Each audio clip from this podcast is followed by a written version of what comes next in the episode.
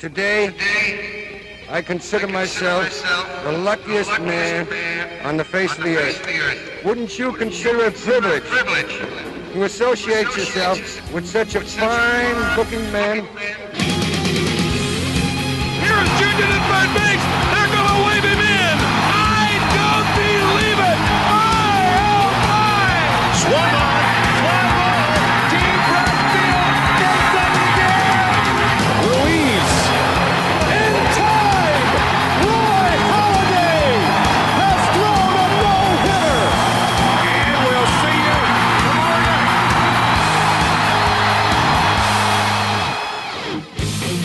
Hallo en welkom bij alweer de achtste aflevering van het tweede seizoen van Just a Bit Outside. De enige echte MLB-podcast van Sport Amerika, waarin ik, Justin Kevenaar, samen met Jasper Roos en Mike van Dijk de vierde week van dit MLB-seizoen ga bespreken.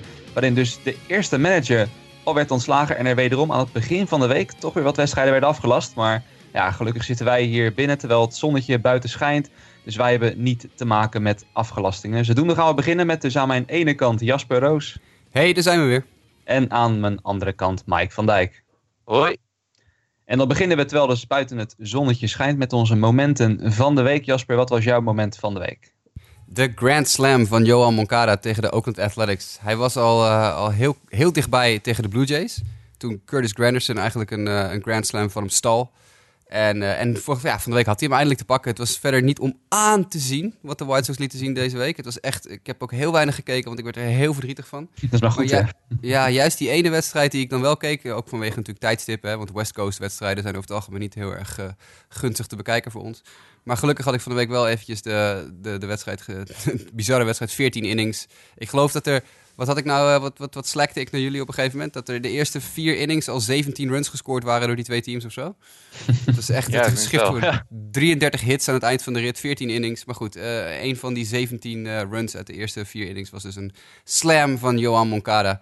Die nog steeds de bal ongelooflijk hard staat te slaan. Ik weet niet of jullie dat doorhebben. Hij heeft natuurlijk niet zo'n heel hoog slaggemiddelde. En er is al heel veel paniek bij heel veel mensen die niet zoveel naar de White Sox kijken. Van zie je wel, al die strikeouts. En ja, het zijn veel te veel strikeouts. Hij eh, ik geloof dat hij 40% strikeouts heeft inmiddels. Nou, dat is echt absurd veel natuurlijk.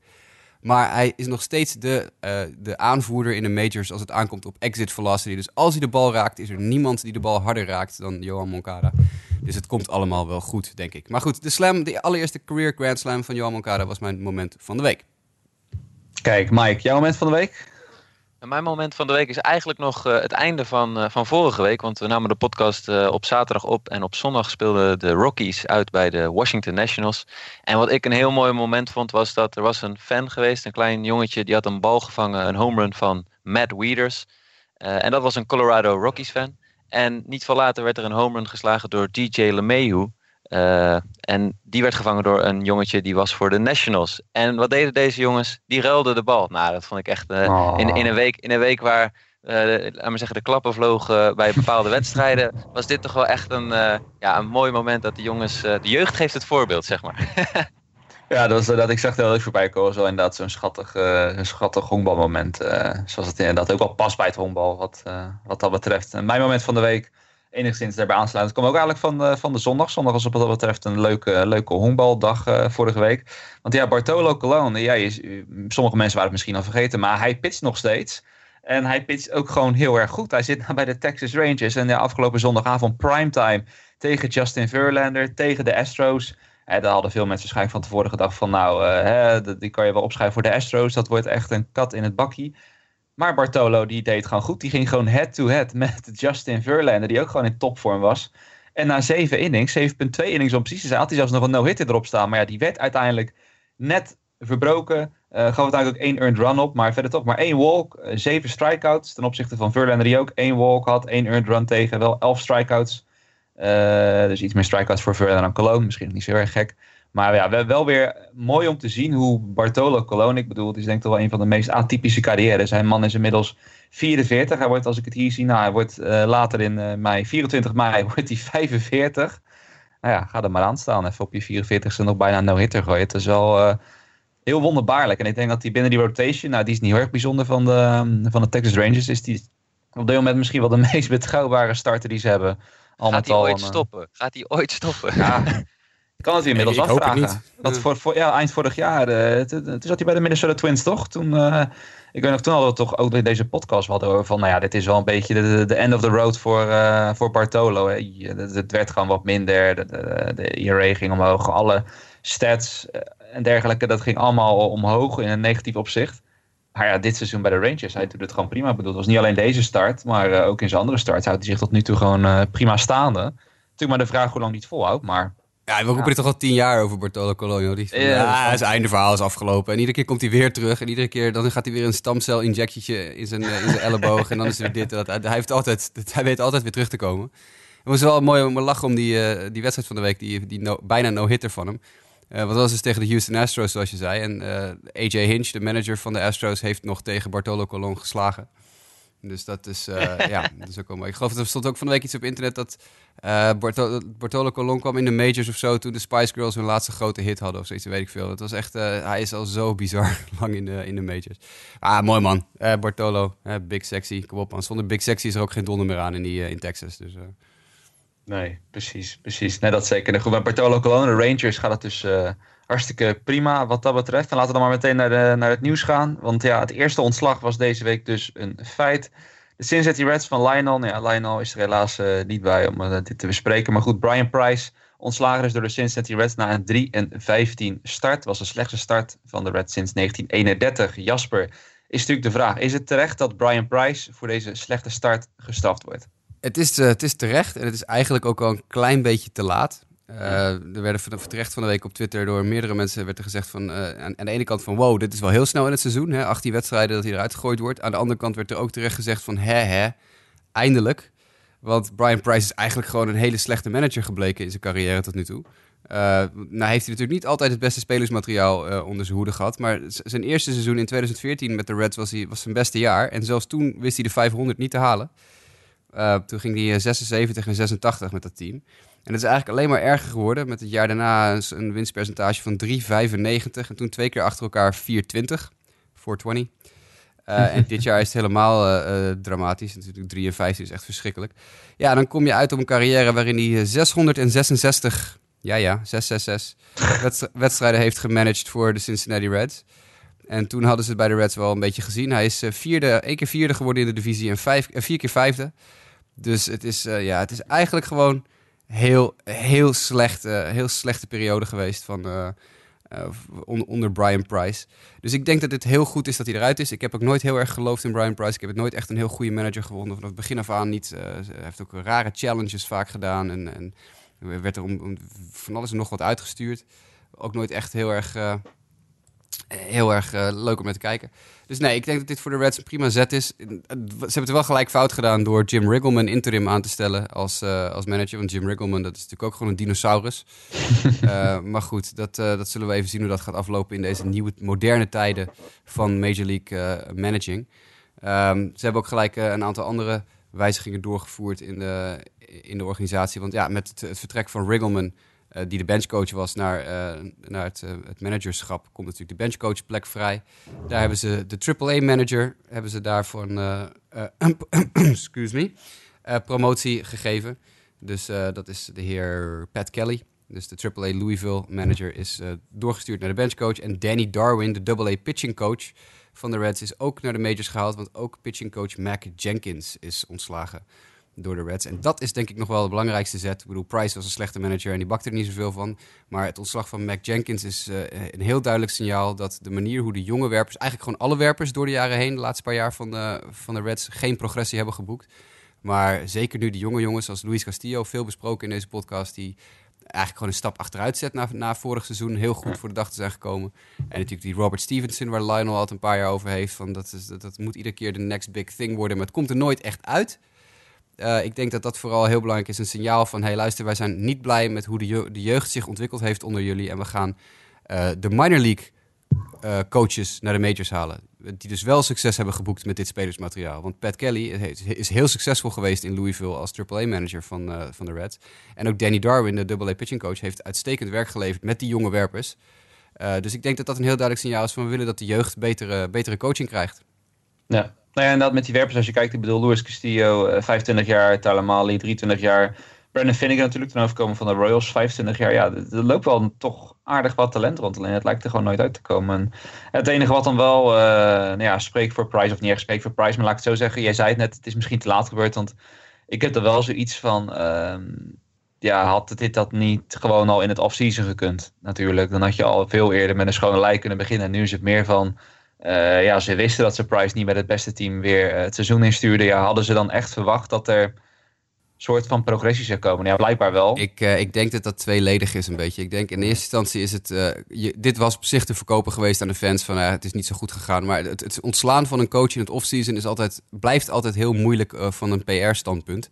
Want je hebt niet echt een basis om te ontslaan. Je kan zeggen, ja, de laatste vier jaar zijn niet goed genoeg geweest. Maar ja, waarom, dan gaan fans zeggen, waarom heb je hem dan niet eerder ontslagen? Zodat we misschien nog een kans hadden om het goed te gaan doen tijdens het seizoen. Terwijl als je, als je natuurlijk net even een paar keer... Ze hebben natuurlijk een heel duidelijk aanwijsbare reden nu. 3 en 15, dus de slechtste start ooit in de, in de clubgeschiedenis. Dan heb je gewoon een heel duidelijke reden om iemand te ontslaan. Uh, en, en daarbij natuurlijk heb je altijd te maken met contractuele zaken. Deze, deze man had gewoon nog een doorlopend contract. En op het moment dat je hem ontslaat, moet je het hele contract nog doorbetalen. Dus je, je gaat echt proberen alles uit te persen, denk ik, wat je eruit kan persen. En in dit geval, die slechtste clubstart in de historie geeft uh, genoeg ruimte aan, de, aan de, de front office om hem eruit te gooien. En ook, ook te kunnen verdedigen naar de, naar de, eigenaar, naar de eigenaar van we moeten, ja. uh, we moeten zijn contract afbetalen. We moeten echt zonder deze man verder. En dat de eigenaar dan zegt, nou prima, hier heb je het geld om zijn contract uit te betalen. Ja, nou ja, het is wel grappig hoe het kan gaan. Ik kan me nog herinneren toen Dusty Baker destijds uh, wegging. Hè, de tijd dat de Reds uh, nog gewoon uh, in de playoffs meededen. En tot op zekere hoogte contenders waren. Toen waren veel mensen toch wel opgelucht van hè, eindelijk Dusty Baker weg. nieuwe frisse wind die door de club kan waaien. En dat het dan sindsdien eigenlijk alleen maar, uh, ja, misschien niet enigszins verrassend achteruit is gegaan, maar dat er vooral eigenlijk helemaal geen progressie te, te vinden is. Hè. Dat is natuurlijk wel het meest kwalijk aan dit alles. Dat het, ja, natuurlijk, je bent bezig met een rebuild, maar het, het, lijkt nu gewoon een rebuild te worden die maar constant door blijft gaan. En vooral na een periode van vier, vijf jaar, dan moet het wel vooruitgang zijn. Het, ze gaan nu uh, op ja, een beetje op de Pirates te lijken van een paar jaar terug, toch? Ja. Dat was een paar jaar, wel echt een pre, twee decennia pre, terug. Uh, Pre-Clint Hurdle, inderdaad, ja. Ja, ja, en nu wordt de vraag natuurlijk wie gaat er aangesteld worden als vervanger. Ze hebben wel gezegd, de Reds, dat ze een heel uitgebreide zoek, uh, zoektocht gaan houden. Dat ze geen haast hebben, dat ze vertrouwen hebben in Jim Riggleman als interim manager. Oftewel, dit uh, seizoen verwachten ze ook Ze geven het op, ja. ja. Ik denk het niet. Ik denk dat uh, er werd op Twitter van de week onder andere door een paar Sport Amerika mensen, ik geloof Lars Leeftink zei dat onder andere, dat uh, Joe Girardi natuurlijk nog beschikbaar is. Nou, die zie ik niet de stap maken naar Cincinnati. Ik denk dat dat ten eerste een te kleine markt is voor hem. En ten tweede dat zijn contractuele eisen iets te gortig zijn voor, voor de Reds. Uh, maar ja, je hebt natuurlijk altijd nog de mogelijkheid voor Barry Larkin, hè, de absolute Reds-legende en Hall of oh. Famer. Die nu heel erg in de wandelgangen genoemd wordt als, als hè, jong, fris, nou jong, relatief jong, fris, moderne honkbalmind. Die best wel hoog aangeschreven staat in, in de honkbalwereld. En zeker in Cincinnati nog mateloos populair is. Als misschien iemand die de jeugd dus wel mee kan krijgen. Dus ja, als ik, als ik nu geld zou moeten zetten op iemand, zou ik zeggen Barry Larkin. Want het moet een, een jonger iemand worden. Dusty Baker is de laatste succesmanager, zei je al. Ik, ik zie ze niet Dusty weer terughalen. Want die heeft al bewezen dat hij uh, met, met jeugd niet zo goed kan omgaan. Dus ik, ik, ik zet mijn geld op Barry Larkin, denk ik. Ja, het zou wel een toffe keuze zijn inderdaad. inderdaad. Om de reden die je aangeeft, leuk om dan zo'n uh, zo'n oud legende dan uh, terug te zien in de, op, de, op de bank wat dat betreft. Nou. Ja, de Reds gaan dus heel erg slecht. Uh, de Red Sox daarentegen, het klein bruggetje Reds Red Sox, uh, die doen het echt super goed. Zijn op het moment dat we dit opnemen 16 en 2. Uh, beste start in de franchise history. En ja, met name Grand Slams. De bal blijft er maar uitvliegen. voor het eerst sinds 1996 de Expos. Enige team dat voor eind april vijf of meer Grand Slams wist te slaan, Mike. ja, wat, wat valt te zeggen over deze goede start van de Red Sox? Is dit echt een, een volledige teamprestatie? Ja, het, het, klikt gewoon heel erg goed. En uh, ik heb ze zelfs, volgens mij hebben ze zelfs 17-2. En afgelopen nacht was de uh, vijfde Grand Slam van Mitch, of in ieder geval de vijfde Grand Slam van de Red Sox dit seizoen. Ja. En dat was van Mitch Moreland. Ja, uh, de offense klikt en het gaat gewoon heel goed. En als je ook die wedstrijd zag, de serie zag die ze speelden tegen de Los Angeles Angels, wat niet een slechte ploeg tot op heden blijkt. Ja, het, het gaat allemaal goed. Het pitje gaat, ziet er heel goed uit. Zelfs Porcello, Jasper, moet je toegeven? Of niet? Nou, uh, gooi het redelijk. ik, uh, ik zal dat nooit toegeven. Maar het, uh, het is nog steeds. Kijk, het is, dat was vorig jaar zo slecht dat het al gauw beter lijkt, natuurlijk. Ja, nee, dat is waar. Dat is waar. Want Drew Pomeranz gooide vannacht dan zijn eerste start terug van de DL. Dat was wel wat minder. Maar tot op heden zijn er, zijn er weinig zwakke punten in het team te ontdekken. En ja, de Red Sox staan duidelijk bovenaan in de divisie. Die we dachten dat toch wel iets closer zou zijn op dit moment. Ja, ja, ze slaan inderdaad de oppositie gewoon uh, tot moes uh, vooralsnog. Want ook als je, nou ja, wat je net zegt, als het ook hey, jongens als Mitch Moreland, uh, nou ja, die, die slaat dan ook vannacht een, een, Grand Slam eruit. En dan kan je nog erbij zeggen dat hè, Bogarts missen ze nu al een paar wedstrijden. Dus yes. Je kan ook niet zeggen van nou, ze zijn volledig fit en, en, en ze zijn helemaal compleet. als ik even zo kijk naar Drew Palmer, en ze onlangs pas terug opgeroepen, dus die, die zouden weer terug moeten keren. Maar uh, ja, het, het, is gewoon wel heel indrukwekkend. Natuurlijk, je verwacht het wel van de Red Sox. Uh, ik bedoel, waren bijvoorbeeld wel een favoriet in deze divisie. Maar inderdaad, gezien de concurrentie zou je dan toch wel verwachten dat ze in die beginfase wat meer wedstrijden uh, verspelen. En, en, trouwens, nu, nu ik dit zeg, uh, zou ik nog wel iets leuks bedenken. Ik weet niet of jullie het hadden gezien, maar het minor league affiliate van de, van de Red Sox, de Pawtucket Red Sox, als ik het goed zeg. Die hadden wel een, een, hele leuke actie. Dat heeft helemaal niks met die goede start te maken. Maar ik zag gisteren op Twitter, die hadden actie dat zij uh, binnenkort een uh, Evil Empire dag gaan houden. Ja. Uh, waarop iedereen die Joe of Kelly heet, die mag gratis naar binnen. Dus nou ja, als jij, op je, als jij Joe of Kelly heet voor je voornaam, dan mag je gewoon naar binnen. Maar als jij Tyler of Austin heet, of er stond er wel hè, een beetje met een knip ook bij, als jij jezelf identificeert als een Tyler of als een Austin, ja, dan mag je helaas geen honkbal komen kijken. Zelfs niet als je er geld voor over hebt, dan dan word je gewoon buitengesloten voor een dagje. Dat, dat vond ik wel een hele, hele leuke inhaken op zo'n op zo'n actie. Zoals natuurlijk in de minor leagues wel vaker eh, zijn, dat soort acties. Maar dit vond ik wel een hele, een hele geestige. Dat, dat, nou ja, zelfs mensen die dus waarschijnlijk Tyler of Austin heten, dat, als, zij, als zij dan maar zeggen, ik identificeer me niet als een Tyler, dan nou ja, mag je alsnog naar binnen. Maar uh, yes. vond ik wel een, le leuke inhaken. En de Red Sox kunnen, kunnen nu al maken. Ik bedoel, met zo'n start kan je dat maken. Yes, nou ja, als ik één kritische noot uh, op de huidige prestaties dan, uh, dan mag geven, dan is het wel dat als je kijkt naar het schema tot nu toe, de Red Sox hebben gehad de Tampa Bay Rays, de Marlins, weer de Rays, de Yankees, de Orioles, de Angels en nu de Athletics. Daar zitten in mijn ogen twee teams in die ze maar boven 500 gaan eindigen. Dus dat speelt dan ook weer mee in het goede record van de Red Sox. Maar je moet ze wel verslaan en zeker de Angels, die hebben ze gesweept. Dat, en duidelijk, met duidelijke cijfers. Uh, dat, uh, dat stemt denk ik uh, de fans in Boston ja, in ieder geval tevreden voor nu. Het is maar goed dat jij een slotje op je Twitter-account hebt zitten, Mike. Want anders was je meteen plat gebombardeerd door boze Boston Red Sox-fans. Hoe durf je dit in twijfel te trekken? ja. ja. Nou, dan was ik nog. Ik heb hem op openbaar staan. Daarom dacht ik, zeg het maar niet. Maar nee, goed dat, je het, goed dat je het aankaart wat dat betreft. dan elders. Jose Bautista. Ja, heel het offseason ging het erover waar zou hij terechtkomen. Nou, hij kwam heel lang nergens terecht. Tot hij van de week ineens bij de Atlanta Braves uh, terecht is gekomen, Mike. Want ja, Joey Bats is weer terug in de MLB. Nou, nog niet in de MLB. Hij heeft in ieder geval ah, een minor league uh, deal gesloten. Uh, en wat nu gaat gebeuren is dat hij naar nog wat spring training volgens mij wedstrijden gaat. Om, om een beetje fit in, in shape te komen. En als hij de, de, de Major League haalt, dan ja, gaat hij 1 miljoen verdienen. Wat ik voor Joey Bautista begrippen toch relatief ja, een schijntje vind. En ik denk dat er andere teams zijn die meer kans hebben op de playoffs. Die in mijn ogen uh, José Bautista beter hadden kunnen gebruiken. Uh, dus ik vind eigenlijk de keuze naar de, voor de Braves best wel opvallend.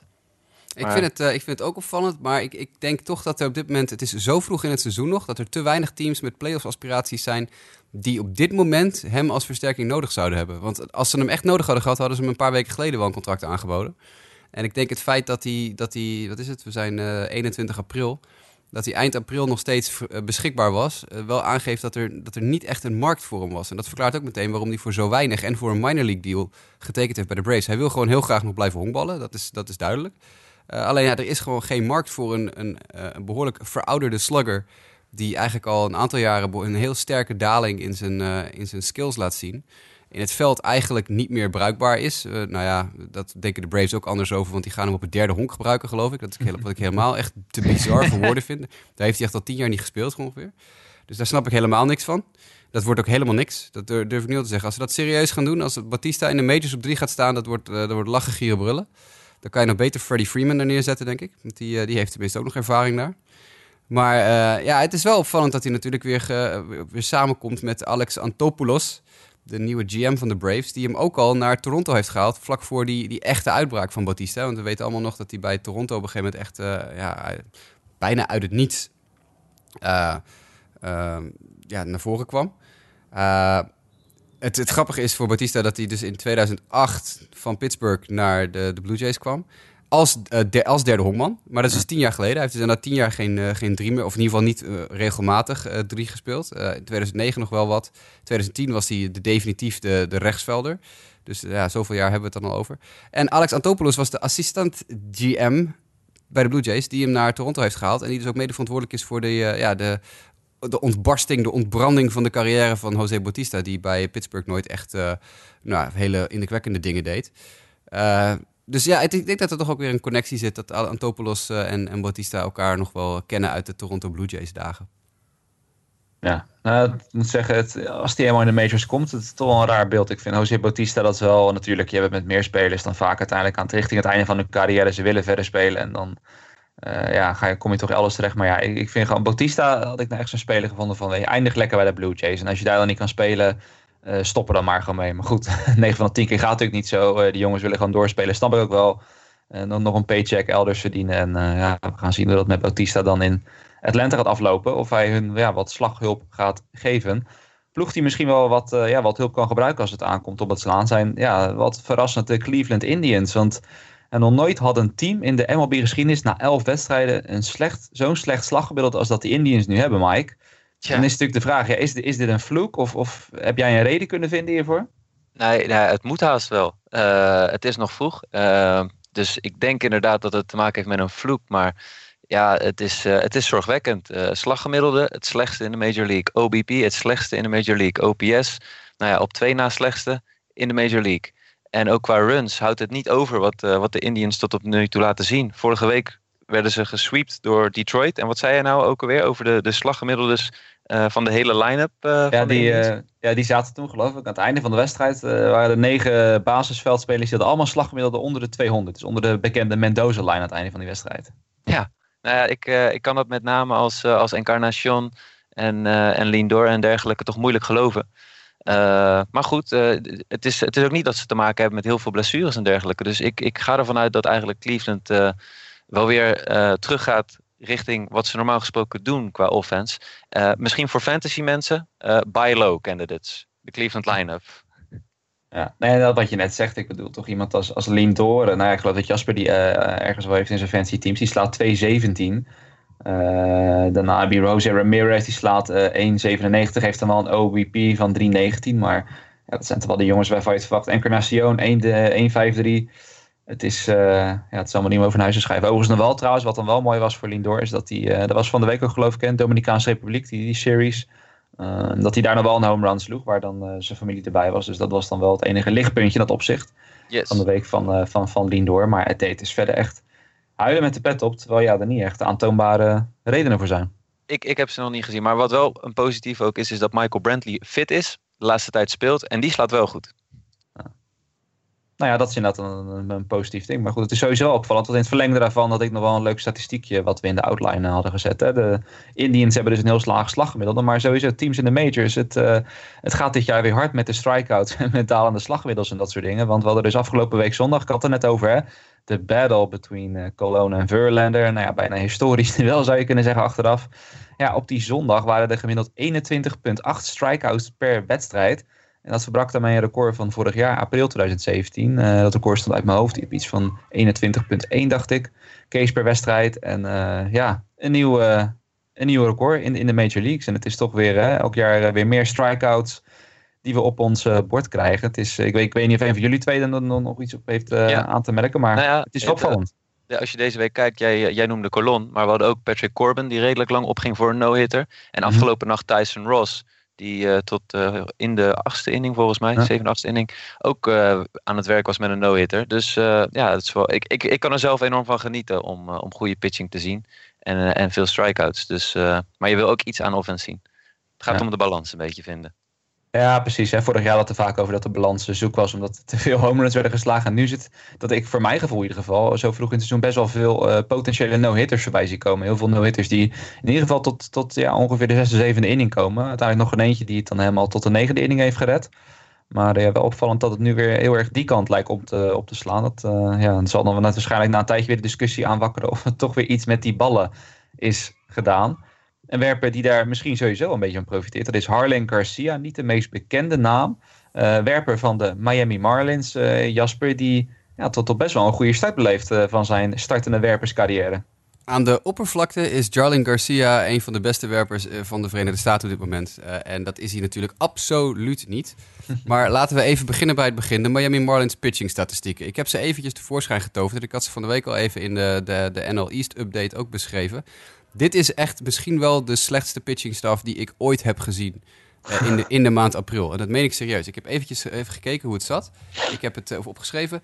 Elf werpers van de Miami Marlins pitching staff hebben een ERA tussen de 5 en de 6. Drie daarvan zitten boven de 7. En daar weer twee van boven de 12. ERA's van boven de 12. Maar 11 stuks dus tussen de 5 en de 6. De enige werpers die een beetje redelijk voor de dag komen zijn Kyle Barraclaw. Eh, die een ERA heeft van, even op mijn lijstje kijken, even spieken, eh 2,35. Eh, Drew Steckenrider heeft 1,86. En dan heb je Jarlin Garcia met 0,86. Een ERA van 0,86 en een whip van 0,81. Nou, die staat op papier dus echt fantastisch te gooien. Maar dan wil ik heel eventjes stat, stat nerden. En dan wil ik eventjes Jarlin Garcia induiken. Want waarom gaat hij dit nou absoluut niet volhouden? Nou, ten eerste, 21 innings gepitcht, 11 keer 4 wijd, 13 strikeouts. Hij heeft dus bijna 1 op 1 met zijn strikeouts en zijn, en zijn 4 wijd. Dat is sowieso al niet een heel goed begin. Zijn K per 9 is 5,57. Ook dat, daar ga je, dat ga je niet, dat is niet sustainable. Dat kan je niet volhouden. Maar dan duiken we nog even iets verder de, de statistieken in. En dan wordt het nog veel erger. Zijn strand rate, oftewel het aantal, het percentage eh, honklopers dat hij eh, left on base heeft, zeg maar, dus die hij achterlaat op de honken, eh, is 96,2. Nou, dat is, dat is absurd hoog. Dat, normaal gesproken ligt dat echt, eh, echt, een, echt een stuk lager. Maar 96,2 eh, eh, eh, van de procent van de, van de honklopers laat hij achter op de honk. Nou, die mazzel die kan je natuurlijk nooit volhouden. Zijn BABIP, zijn batting average en balls in play, is 0,96. Oftewel, ja, de, de mensen tegen hem, die tegen hem slaan hebben een ontzettend veel pech. Die, hebben, die, slaan toevallig, die slaan alle ballen recht op poppetjes af. Of alle ballen in de handschoen van een velder of wat dan ook. Dus ook dat is absoluut niet houdbaar. Zijn, eh, zijn ERA is 0,86, zei ik al. Zijn xFIP, zijn Fielding Independent Pitching, eh, zijn Park Adjusted Field Independent Pitching, is 4,85. Dus het verschil tussen zijn echte ERA en wat zijn ERA volgens de statistieken zou moeten zijn, is precies vier punten. Vier hele punten. Want zijn ERA is 0,86 en zijn xFIP is 4,85. Er zitten dus vier hele punten tussen. Ja, dit is, dit is aan alle kanten volkomen niet, hou, niet houdbaar. Dit is, dit is, deze jongen gaat, de- ja, let op, deze jongen gaat in de maand mei of in de maand juni helemaal aan stukken geslagen worden. Want dit, dit gaat normaliseren en dat zie je bij honkbal heel veel natuurlijk. Je ziet dat, dat, eh, dat performances heel vaak normaliseren. Als je denkt van hé, hey, dit, dit is wel heel opvallend hoe deze jongen staat te spelen. Dan kijk je naar de onderliggende statistiekjes en dan blijkt toch dat eh, ja, dit- dit, is gewoon niet, niet wat het echt zou moeten zijn. En dan zie je dat honkbal heel vaak normaliseert. En ik denk dan ook dat, eh dat Jarlin Garcia gaat normaliseren in de komende maand. En het zou mij niet verbazen als hij het eind van het jaar eindigt met een, eh, een ERA wat veel meer in de 4, 4,5 regio ligt dan 0,86 van nu. Maar het is wel een heel interessante figuur. Een, een prototype voorbeeld van een, eh, een, een, een zaak waarin je echt wat dieper in de stats moet kijken om erachter te komen wat hier eigenlijk aan de hand is. Want op, op, op de oppervlakte lijkt het echt fantastisch wat hij aan het doen is. maar ik ga er absoluut, zeker ook bijvoorbeeld in fantasy, ik ga er nog met geen 10 meter paal bij in de buurt komen. Echt niet. Want dit, Nee. dit, dit gaat, dit gaat helemaal fout. Het is wel heel opvallend inderdaad. Want dat was het eigenlijk het statistiekje waardoor ik eigenlijk op was, eh, op was gekomen. Omdat hij dus eh, in zijn eerste twee starts, hij startte tegen de Mets, dat was zijn eerste start. Toen gaf hij in vijf innings geen enkele hit op. En vervolgens, eh, zijn tweede wedstrijd, even niet meer tegen wie dat was uit mijn hoofd. Maar toen hield hij het ook vijf innings vol. En vijf innings lang geen hit. Dus nou ja, over twee wedstrijden had hij soort van een gecombineerde no-hitter. Tien innings geen hits opgegeven. En hij is de enige werper die dat ooit... eh, die dat ooit voor elkaar heeft gekregen. Ja, dat, als je dat dan ziet, dan denk je net van wow, ze hebben in Miami echt de next eh, big thing. Maar het is wel goed dat jij dat dan aankaart. Dat dat dus ja, eigenlijk wel meevalt. En ik kan me herinneren, vorig jaar hadden we deze discussie geloof ik met Andrew Triggs. Wie kent het nog van de Oakland Athletics? Dat was toch geloof ik de enige werper die na, ik geloof pakweg, twee, drie weken nog een, eh, een ERA had van 0.0 na zoveel innings. Eh, dat jij toen ook al zei van ja, als je verder kijkt, dan zie je dat het niet haalbaar is. En ik geloof dat Andrew Triggs uiteindelijk inderdaad met de ERA rond de 4, 4 punt nog wat is, Ja, eh, Klopt. is geëindigd. Het is gewoon, ja, het, dit soort reeks heb je dan misschien wel eens. Hè? Dat je dan even twee starts wat geluk hebt. Ja, als je dat toevallig net aan het begin van het seizoen hebt, dan valt het natuurlijk nog meer op. Nee, dat is het ook inderdaad heel erg natuurlijk. Het Dat je ERA dat natuurlijk dit, super laag staat. Hè? Ja, precies. Als je dit midden in het seizoen hebt, als je toch al genoeg, eh, een groot genoeg sample size hebt, dan valt het niet zo op. Maar als je ook kijkt naar zijn- carrière-statistieken van Jarlin Garcia, ik bedoel, zijn, zijn home run to flyball ra- eh, ratio is op dit moment 5,3 procent. Dat ligt in zijn carrière al op 8,3. Dus dat, dat, dat, alleen dat al. Dat, dat ligt gemiddeld zo meestal rond een, eh, rond een 8, 9, 10 procent bij werpers. Dat zit bij hem dus op de helft. Nou, dat soort dingen, dat, dat, dit schreeuwt gewoon van, dit, dit, gaat niet, dit is niet vol te houden. Het lijkt mij ook heel erg zo'n double-A-guy die dan in één keer naar majors komt, short-lived succes heeft. Eh, hij heeft nog nooit op triple-A gegooid en dat gaat zich out-evenen. Ja, en dat- zie je bij sommige werpers, zie je dat, eh, kan je het dus heel duidelijk in de, in de statistieken zien. Maar kijk je dan bijvoorbeeld naar een, eh, zo'nzelfde kandidaat, eh, waar je het nu over hebt, zo'n double-A-jongen die ineens uit het niets in de majors gegooid wordt, zo'n Joey Lucchesi, Ja, waar we het je. even over hadden bij de Padres, die ook op dit moment hartstikke goed staat te gooien. En die heeft een ERA van 1,66.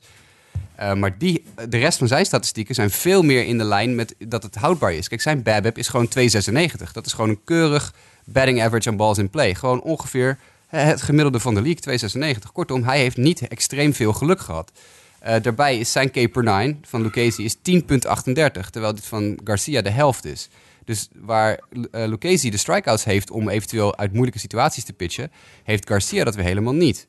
Eh, de, even kijken, de, de XFIP van Lucchesi is 2,72. Dus zijn eigenlijke soort van eigenlijke ERA is 2,72. Nou, dat komt natuurlijk, is, wel, is wel hoger dan zijn 1,66 die hij echt heeft. Maar dat is weer die geluksfactor die je een beetje mee moet nemen. Maar 1,66 en 2,72 ligt allemaal een stuk dichter bij elkaar dan de 0,86 en de 4,85 waar ik net over had bij Jarlin Garcia. Dus al die dingen, daar kijk je naar. Hè, de, de, strand rate van Lucchesi is drie kwart, 75% ongeveer. Nou, dat is, dat is ongeveer het gemiddelde van een, een werper. En dus niet die 96, komma nog wat procent van Jarlin Garcia, die totaal niet houdbaar is. Dus op die manier kan je een beetje kijken hoe je dit soort pitching performances moet, eh, moet inschatten. Dat is een van de redenen dat ik in fantasy bijvoorbeeld ook Joey Lucchesi eh, een week of anderhalf geleden heb opgepikt.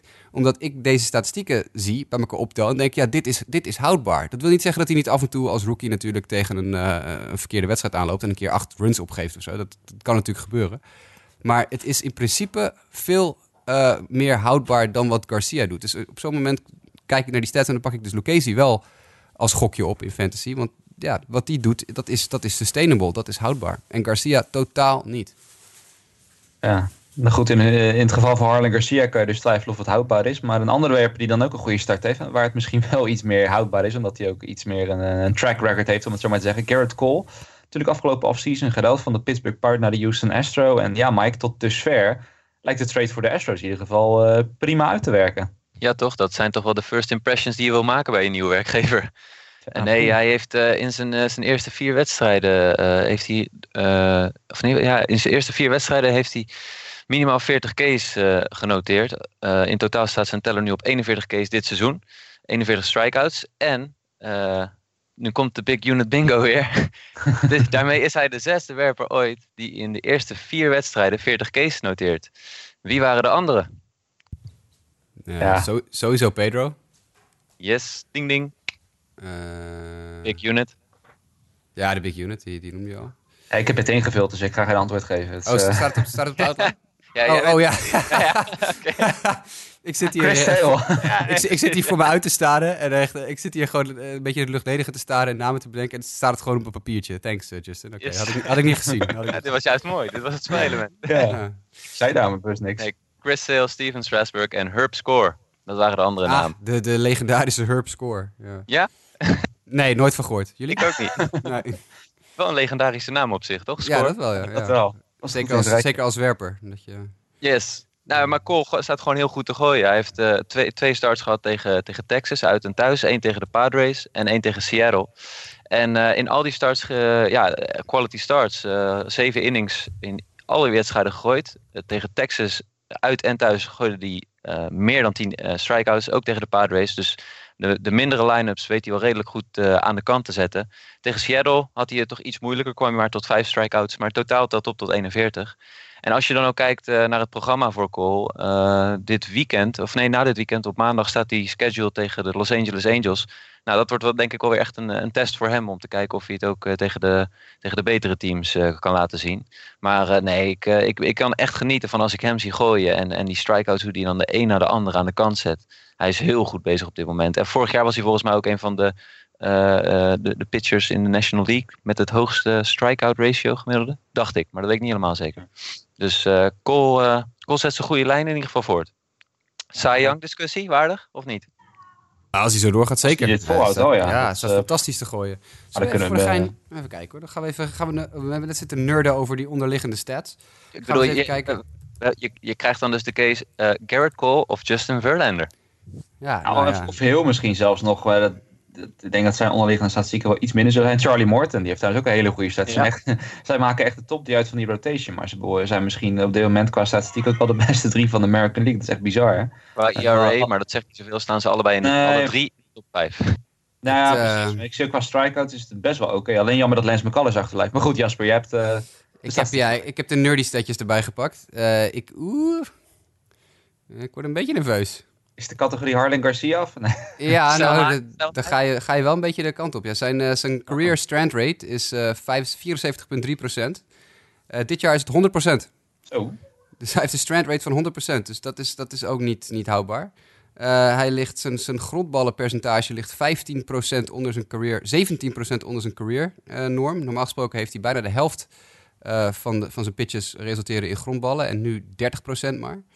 Zijn home run to flyball ratio is iets hoger dan normaal, dus hij, hij krijgt iets meer hoge ballen tegen. Nou, dat klopt dus ook, want als je minder grondballen, een lager grondballenpercentage hebt, heb je dus meer flyballs. Dus dat klopt wel ongeveer. Ehm, zijn Maar dat is- spreekt juist in zijn voordeel, denk ik. ja, in het, in het geval van. Maar ja, voor die thuiswedstrijden misschien niet. Hè. Je hebt die Crawford boxes, die staan zo verschrikkelijk dichtbij. Ja, oké, Dus- maar, maar meer in de zin van eh, het infield en dergelijke van de Astros staat er natuurlijk onbekend om heel data-driven te zijn. En het is geen slecht infield, dus hij heeft wel een goede defense achter zich staan. Ja, Beter dan hij- in hij- Pittsburgh. Ja, maar hij krijgt dus veel minder grondballen. Dus Ja, maar die, dat, als dat, out-event... Ja, maar dan moet dat wel gaan gebeuren.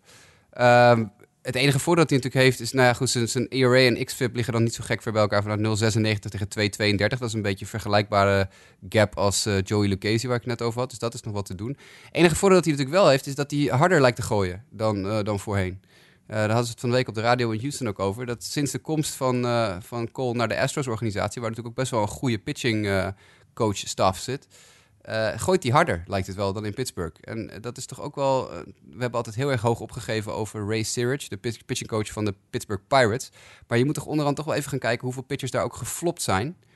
Eh, die dan vervolgens eh, in, in Houston bijvoorbeeld... Kijk maar naar Charlie Morton, die bij de Pittsburgh Pirates vandaan Ja. kwam met een 92 mijl per uur fastball... en bij de Astros ineens 97 mijl per uur ging gooien. Eh, dus daar zit toch blijkbaar iets in die benadering van pitching die goed is voor werpers. Dus hoewel de, de stats niet... sommige dingen springen er echt van de, van de, van de pagina af. Dat, dat left-on-base percentage van 100% bij Cole... en dat lage groundball perce- percentage vind ik opvallend. Maar een BABIP van 2,31 is, is nou ja, op zich redelijk in de lijn... eh, met wat de league normaal gesproken, de goede werpers in de league normaal gesproken hebben. Het is wel veel lager dan normaal gesproken. Hij had ook een paar jaar dat hij behoorlijk pech heeft gehad, zo te zien. Maar eh, ja, of het zo goed blijft als het nu is, weet ik niet. Ze komende vier starts zijn er twee van tegen Oakland. Nou, dan gaat dat voor de komende vier starts in ieder geval nog goed, waarschijnlijk. Ja, dat, eh, dat, dat, dat dan durf ik gewoon nog wel te starten. Maar We- Gezondheid wederdienende, hè, dat wel. ja, ja, tuurlijk. Ja. ja, maar het vers- verschil tussen een K per 9 en zijn walks per 9 is gigantisch. joh. Hij heeft 13,18 Ks per 9 en 1,93 walks per 9. Nou, dat is echt, eh, dat is. Nou, als hij dat vol kan houden, is hij de, de. Ja. Nou, dan eh, tot slot nog in dit nieuwsblokje nog iets heel erg anders. Want eh, nou, terwijl bijvoorbeeld in de, Basque, eh, de stad Portland helemaal in de ban is van de Portland Trailblazers uit de NBA, was er ook wel ander nieuws uit de stad. En wel honkbal gerelateerd nieuws, Jasper. Want de kans is nog niet heel erg groot, maar de kans bestaat toch dat er misschien honkbal in komt. Nou, en de kans is weer veel groter geworden nu op dit moment. Dat, eh, er is namelijk grond aangekocht door een, eh, een groep, een businessgroep in Portland, die eh, honkbal naar dat, die regio wil gaan halen. Op dit moment is natuurlijk het enige team in die wijde regio van de Pacific Northwest in Amerika is de Seattle Mariners. En dat is een behoorlijk gat. En dat zou toch wel, ja, denk ik, voor MLB en voor de, competi- de competitie daar, de fancompetitie daar, best goed zijn als Portland een team zou krijgen. En dat lijkt er dus nu weer iets eh, dichterbij te zijn, want er is een, een businessgroep geweest die een eh, officieel eh, bod heeft gedaan op twee stukken land eh, in Portland, waar ze dan een 32.000 eh, stoel- stoeltjes tellend eh, balpark willen gaan bouwen. Dat is niet een super groot stadion. 32.000 eh, stoeltjes is niet extreem groot. Dus dat zou dan wel betekenen dat ze inderdaad niet meteen te hoog inzetten. Want je ziet vaak dat er dan zo'n enorm stadion wordt neergepleurd en dat er niemand komt. Dus ze willen in ieder geval zorgen dat het stadion vaak vol zit. eh, dat ze op die manier succesvol kunnen zijn. En dat zou dus kunnen betekenen dat er of een team naar Portland verplaatst gaat worden. En dat zou dan bijvoorbeeld een team met een kleine fanbase kunnen zijn, zoals de Tampa Bay Rays. Ehm, of dat er een heel nieuw team eh, bij, bij, bij verzonnen wordt. En dat de, de MLB uitgebreid wordt naar 32 teams in plaats van 30. Dat er dus nog een team bij komt. Dat zal dan Mexico City of Montreal waarschijnlijk worden. Ehm, wel interessant om te zien is dat het, eh, het, het architectuurbureau, het arch- architectenbureau dat dit stadion gaat ontwerpen, dat is eh, Populous. Dat is een, eh, een eh, architectuur, eh, archi- architectenbureau uit Kansas City. Die ook bekend staan om onder andere de ontwerpen van bijvoorbeeld Camden Yards in Baltimore. Hm. Dus die hebben wel hele mooie stadions weten te bouwen. En de voorzitter van dit hele gebeuren, dus het Portland Diamond Project heet die, die groep die de, dat stadion wil gaan bouwen, is voormalig Nike vicepresident Greg Cheek. Greg Cheek is dus de baas van het hele geheel. Eh, dus het zou dan kunnen zijn dat of de Oakland A's of de Tampa Bay Rays die kant op verhuizen, of dat, eh, dat er een nieuwe, een nieuwe club bij komt. Maar het is dus nu een serieuze stap gezet. Dus we krijgen de, mm, ja, mogelijk de, de Portland MLB Club eh, binnenkort. Heb je al een leuke naam ervoor al? Er zijn nog geen namen bekend, nee. En ik ben ook niet zo thuis in de staat Portland dat ik daar 1, 2, 3 iets kan verzinnen. Je hebt Nee. natuurlijk inderdaad al de, de Trailblazers. Ehm, Ik zie net dat Free Willy is opgenomen in Oregon. nou, nou, hier. Dat, eh, de, de, de, Daar kunnen ze Oregon, Ja. de Oregon Willies klinkt een beetje gek alleen. Ik weet niet. Nee, oké. is- Nee, maar de, de, de, de, de Portland Killer Whales of iets dergelijks, hè, daar kan je misschien alweer net wel iets mee dat dan Ja, weer... Dat klinkt alweer heel erg als een minor league team. Ja, het moet ook Ja. weer niet in de worden. Maar eerst zou zeggen, misschien voor de uh, eventueel kijkend, stel dat dat niet wordt uitgebreid, maar dat het zo blijft, dan is op papier natuurlijk qua uh, divisieindeling is Oakland natuurlijk uh, de perfecte match. Hè? Ik bedoel, met Ja. alle respect voor Oakland natuurlijk. Uh, op zich ook een mooie franchise waarvan ik nog steeds dan wel hoop als, uh, als, als honkbalfan dat, dat, dat, dat zij in Oakland blijven. Natuurlijk wel een nieuw stadion, dat is dan misschien wel beter. Maar uh, het zou natuurlijk voor de divisie wel makkelijk zijn. Hè? Dan heeft Seattle er een echte natuurlijke rivaal bij in de, in de directe regio. Of directe regio is natuurlijk nog wel een afstand, maar in ieder geval de Pacific Northwest. En ja, en het is nog steeds de West Coast natuurlijk. Dus dat, en ik moet zeggen, ik zie Portland niet echt direct vormen als een natuurlijke honkbalstad. Maar als je wilt kijken Nou. naar basketbal... Nou ja, het is het, wel- als ik dan... Voor basketbal valt me wel altijd op dat ze daar wel echt heel fanatiek zijn. Ondanks dat het misschien toch een wat kleinere eh, markt is, zijn ze bijvoorbeeld met het basketbalteam wel. Ook in slechte tijden. Echt super fanatiek. Maar jij wilt erop inhaken? Ja, je moet niet, niet vergeten, ondanks dat Portland nooit een Major League team heeft gehad, is dit wel een stad die echt doordrenkt is met honkbalgeschiedenis hoor. Dat moet je niet eh, vergissen. Dat gaat helemaal terug tot aan 1866. Ja, het was... Eh, ja, nee, maar goed, toen had je verschillende eh, amateur- en pro-teams die, die in die periode sinds 1866 in, de, in Portland hebben gespeeld.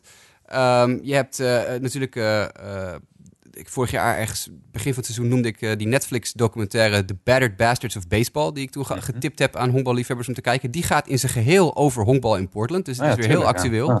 Dus mensen die nu zoiets hebben van... hé, hey, ik wil nog even weten hoe dat zit met Portland eh, honkbal... en die de Battered Bastards of Baseball nog niet gekeken hebben... moeten dat zeker even gaan doen. Maar het begon al in 1866 met de Pioneer Baseball Club. Eh, in 1884 heb je de Portland Willamets gehad... de Portland Webfeet en de Portland Gladiators. Eh, dat gaat dan door naar de Portland Monograms in 1886... de Portland Webfoots in 1901... de Portland Browns in 1903... de Portland Giants in 1905... Nou, we gaan door, we gaan door, we gaan door. Dan heb je tussendoor nog de Beavers gehad in 1924. Eh, de Ducks in 1930, Portland Ducks. Toen weer de Beavers. Toen werden het de Portland Pippins, de Portland Colts in 1911. In 1973 heb je de Portland Mavericks. Dat is dat team uit de Battered Bastards of Baseball. Dus eh, dat is jaren 70 hebben we het dan over. De Portland Beavers in 1978. De Portland Rockies in 1995. Dat is dan eh Class A Minor League. In 2000 wederom de Beavers. Eh, dat is dus meerdere keren de Beavers geweest. Dat is eh, Ik zet mijn geld in op de Beavers. Het worden de Beavers. Ja, precies, ja. Gewoon waarschijnlijk En- door de staatsuniversiteit, hè, ook de Beavers. ja. en dan heb je als laatste nog gehad de Hillsborough Hops in 2012. Die ken ik. Ja, maar die spelen niet in Portland, maar wel eh, in de buurt van Portland. Ja. Eh, dus dat is. eh, en en die, die hadden historisch gezien heel grote. trokken heel veel fans. Dus het is een ontzettend honkbalgekke regio. Dus, dus we moeten niet vergeten dat Portland echt een gigantische historie heeft. als het op, op honkbal aankomt. En er staan echt prachtige oude foto's staan er op internet van de, de Oregon Historical Society. Van alle oude honkbalstadions en legendarische spelers.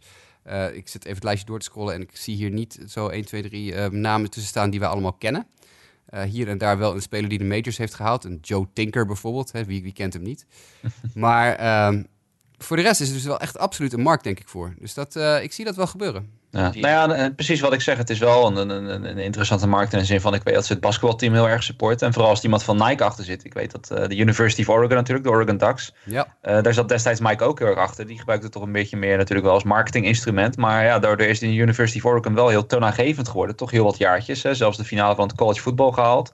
Eh basketbal doen ze altijd heel erg goed. Eh, er staat eh, ja, heel veel mensen die ook daar constant heen gaan. Die echt die teams supporten. Oregon State wat minder, maar goed.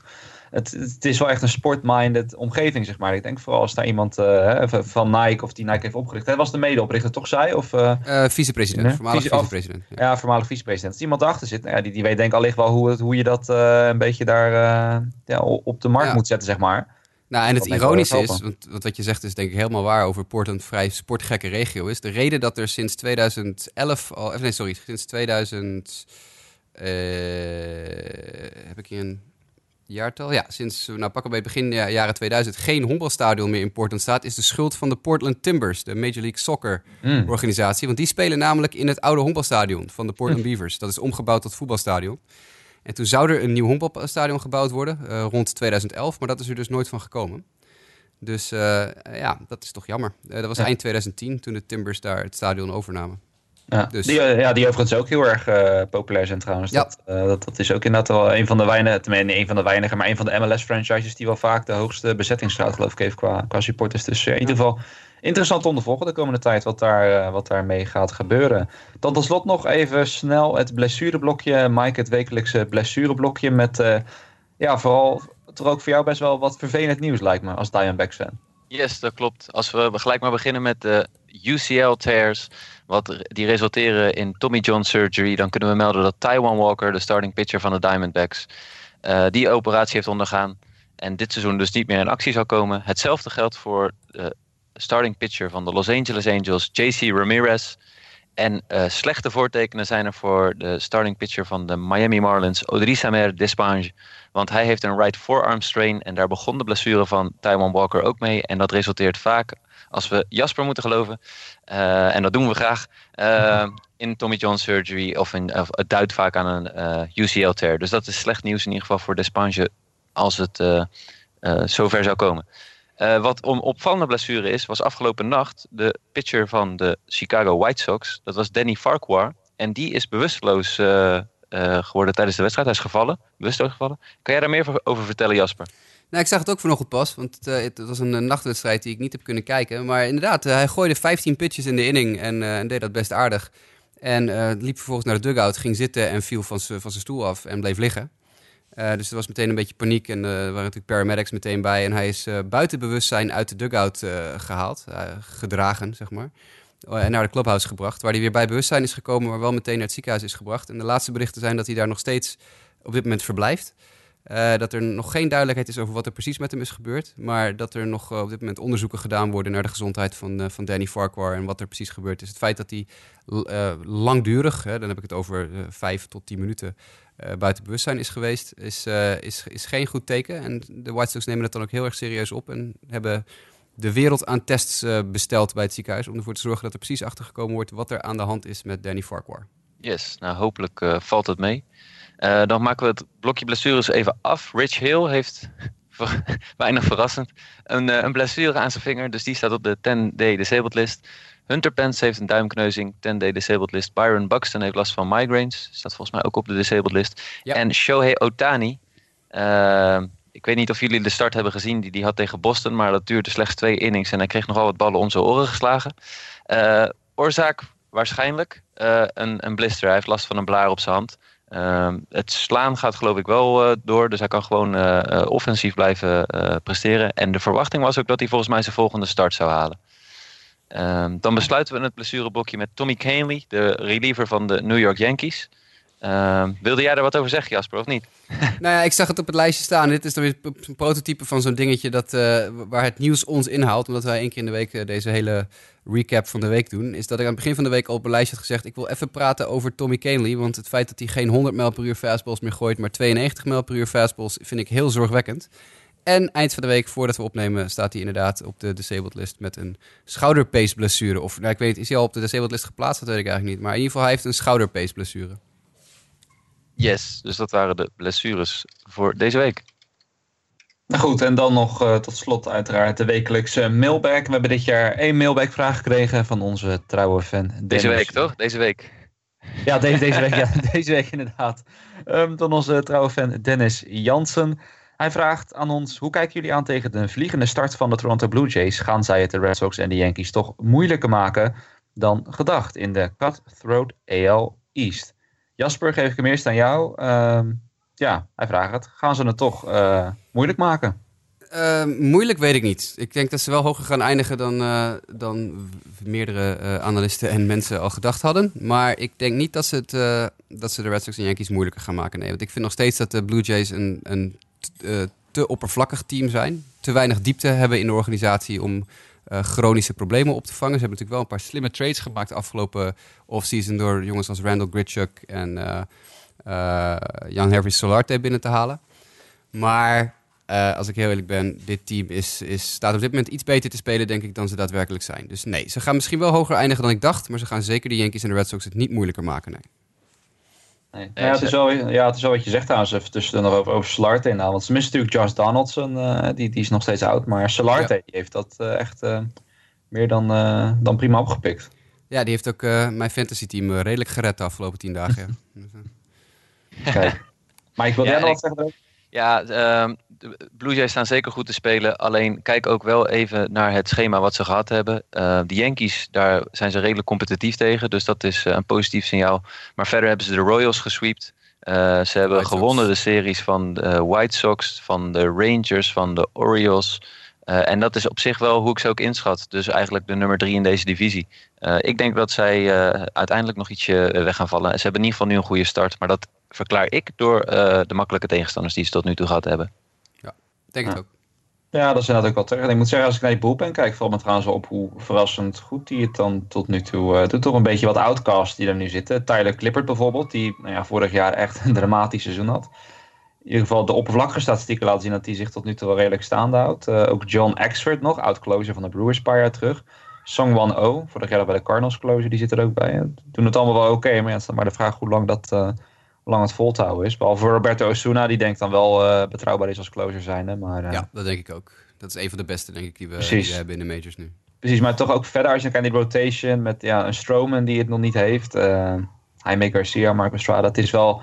Het is degelijk, maar inderdaad, ik denk als je echt de Yankees en nou ja, met name de Red Sox, waar we het nu eerder over hebben gehad, als je echt het vuur aan de schenen wil leggen bij die twee teams, dan moet je denk ik toch wel van iets beter uitkomen. Maar goed. Nou, en ook het risico natuurlijk, dat jongens als vorig jaar heb je dat gezien. Aaron Sanchez, die vier keer op de disabled list staat. De, ja. de, de, gebeurt dat nu weer? Marco Estrada, die al een Tommy John achter zijn naam heeft staan. J.A. Happ, die schouderblessures gehad heeft in het verleden. Ik bedoel, vallen er één of twee van die jongens geblesseerd weg in een periode. Er is niets in de minor league wat ook maar in de buurt komt van Major League Ready vervanging. Uh, dat wordt dan bijvoorbeeld een jongen als Sean Reed Foley die dan uh, opgeroepen wordt. Nou, die had echt een baggerseizoen vorig seizoen in de majors, in, de, in de minors. Dus dat is, uh, er is geen, er is totaal geen diepte meer. Ik bedoel, positiespelers hebben ze wel. Ze hebben natuurlijk uh, qua prospects jongens als Vladimir Guerrero en uh, Bo Bichette, waar we het al heel veel over gehad hebben. Maar pitching is, het is helemaal niks, joh. Dat is, of, of het is nog niet klaar. Hè? Jongen als Nate Pearson, die is gewoon nog niet Major ready, eigenlijk. Dus ja, ik, als ze fit blijven, kunnen ze best meedoen voor de derde plek. Maar precies wat Mike zegt, veel hoger dan de derde plek zullen ze denk ik niet eindigen. Nee. Dat is wel leuk om te benoemen. Hè? Want dat hadden we al eerder dit seizoen geloof ik over. Dat hè, onze goede vriend, vooral Lionel's goede vriend uit Zuid-Afrika, Gift en Geepy, die zit wel op Major League roster. En ik zie dat hij het ook niet zo heel erg makkelijk heeft. Betting average van 0.56, OBP van 1.05. Dus dat uh, ja, gaat niet zo goed met onze Zuid-Afrikaanse vriend. Hopelijk nee. gaat het in de komende weken wat beter.